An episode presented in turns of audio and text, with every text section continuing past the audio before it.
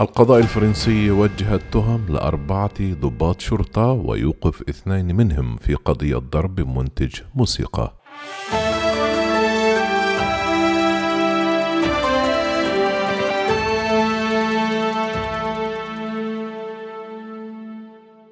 في إطار التحقيق المفتوح بقضية ضرب المنتج الموسيقي الأسود ميشيل زيكلير قام القضاء الفرنسي بتوجيه التهم إلى أربعة عناصر من الشرطة وقف اثنان منهما واتهم ثلاثة عناصر بالعنف المتعمد من جانب شخص يتولى سلطة عامة والكذب في وسائل رسمية. وجه القضاء الفرنسي الأحد التهم إلى أربعة عناصر الشرطة. وقف اثنان منهما في إطار التحقيق المفتوح بقضية ضرب المنتج الموسيقي الأسود ميشيل زيكلير الذي أثارت نقاشا حادا في كافة أنحاء فرنسا حول عنف الشرطة وقانون الأمن الشامل. وجه قاضي التحقيق تهمة العنف المتعمد من جانب شخص يتولى سلطة عامة والكذب في وثائق رسمية لثلاثة منهم تماشيا مع ما طلبته نيابة باريس العامة وأعلن عنه مدعي عام الجمهورية ريمي هيتنز بعد ظهر الأحد. تطال التهم العناصر الثلاثة الظاهرين في مقطع فيديو تم نشره على موقع لوبيسايدر الخميس وتسبب بفضيحة كبرى تشكل مصدر عار بحسب وصف الرئيس الفرنسي إيمانويل ماكرون وأجرى الإليزي اتصالا هاتفيا مع زيكلير يوم السبت. وكان قد وجه تهمة العنف المتعمد في وقت سابق إلى الشرطي الرابع الذي يشتبه أنه قام برمي قنبلة غاز مسيل للدموع داخل استوديو الموسيقى الواقع في الدائرة 17 في باريس حيث وقع الاعتداء على زيكلير. كما طلبت النيابة العامة توقيفا احترازيا للعناصر الثلاثة ووضع الرابع تحت المراقبة القضائية لكن قاضي إخلاء السبيل وضع اثنين قيد التوقيف وأبقى الآخرين تحت الرقابة القضائية. برر النائب العام طلبه وضعه قيد الحجز الاحتياطي بأن هدفه هو تفادي احتمال التشاور فيما بينهم أو الضغط على الشهود.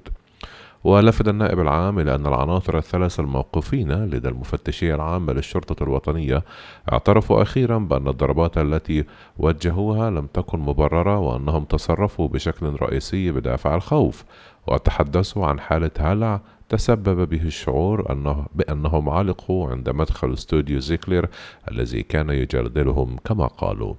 لكنهم نفوا قول عبارات عنصرية في حين أن زيكلير أكد أنهم قاموا بوصفه بالزنجي القذر مؤكدا أن أحد الشبان الذين كانوا في الطابق السفلي للاستوديو نعته بهذه الصفة أيضا وينفي عناصر الشرطة أيضا تهمة الكذب في المحضر. وفي وقت سابق أكد وزير الداخلية جيرالد دارمنان أنه سيطلب إقالة العناصر الضالعين في أعمال العنف من السلك الأمني معتبرا أنهم لطخوا زي الجمهورية.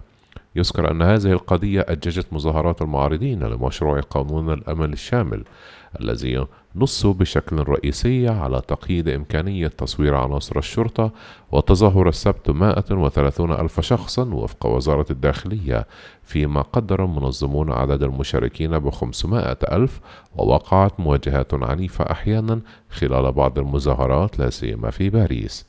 من جهة أخرى أفادت حصيلة لوزارة الداخلية عن إصابة 98 شرطيا ودركيا بجروح خلال المظاهرات وإيقاف 81 شخص. في باريس أصيب المصور السوري أمير الحلبي البالغ 24 عاما المتعاون مع مجلة بوليكا ووكالة الأنباء الفرنسية خلال تغطيته الأحداث بجروح في وجهه. وأظهرت مقاطع فيديو نشرت على مواقع التواصل الاجتماعي تعرض عناصر شرطة للضرب من متظاهرين فيما وصفه دارمنان بأنه عنف غير مقبول. ولا يزال الجدل حول قانون الأمل الشامل الذي يندد به بشدة صحفيون ومدافعون عن الحريات العامة. تعزز خصوصا بعد إخلاء الشرطة بالقوة لمخيم المهاجرين في باريس مساء الاثنين. نشر فيديو تعرض زكلير للضرب الخميس وشهودت مقاطع الفيديو المرتبطة بالحدثين ملايين المرات على مواقع التواصل الاجتماعي. وللمرة الثالثة هذا العام طلب ماكرون الجمعة من الحكومة أن تقدم سريعا مقترحات لإعادة التأكيد على رابط الثقة الذي يجب أن يكون قائما بشكل طبيعي بين الفرنسيين ومن يقومون بحمايتهم ومن أجل مكافحة جميع أشكال التميز بفعالية أكبر.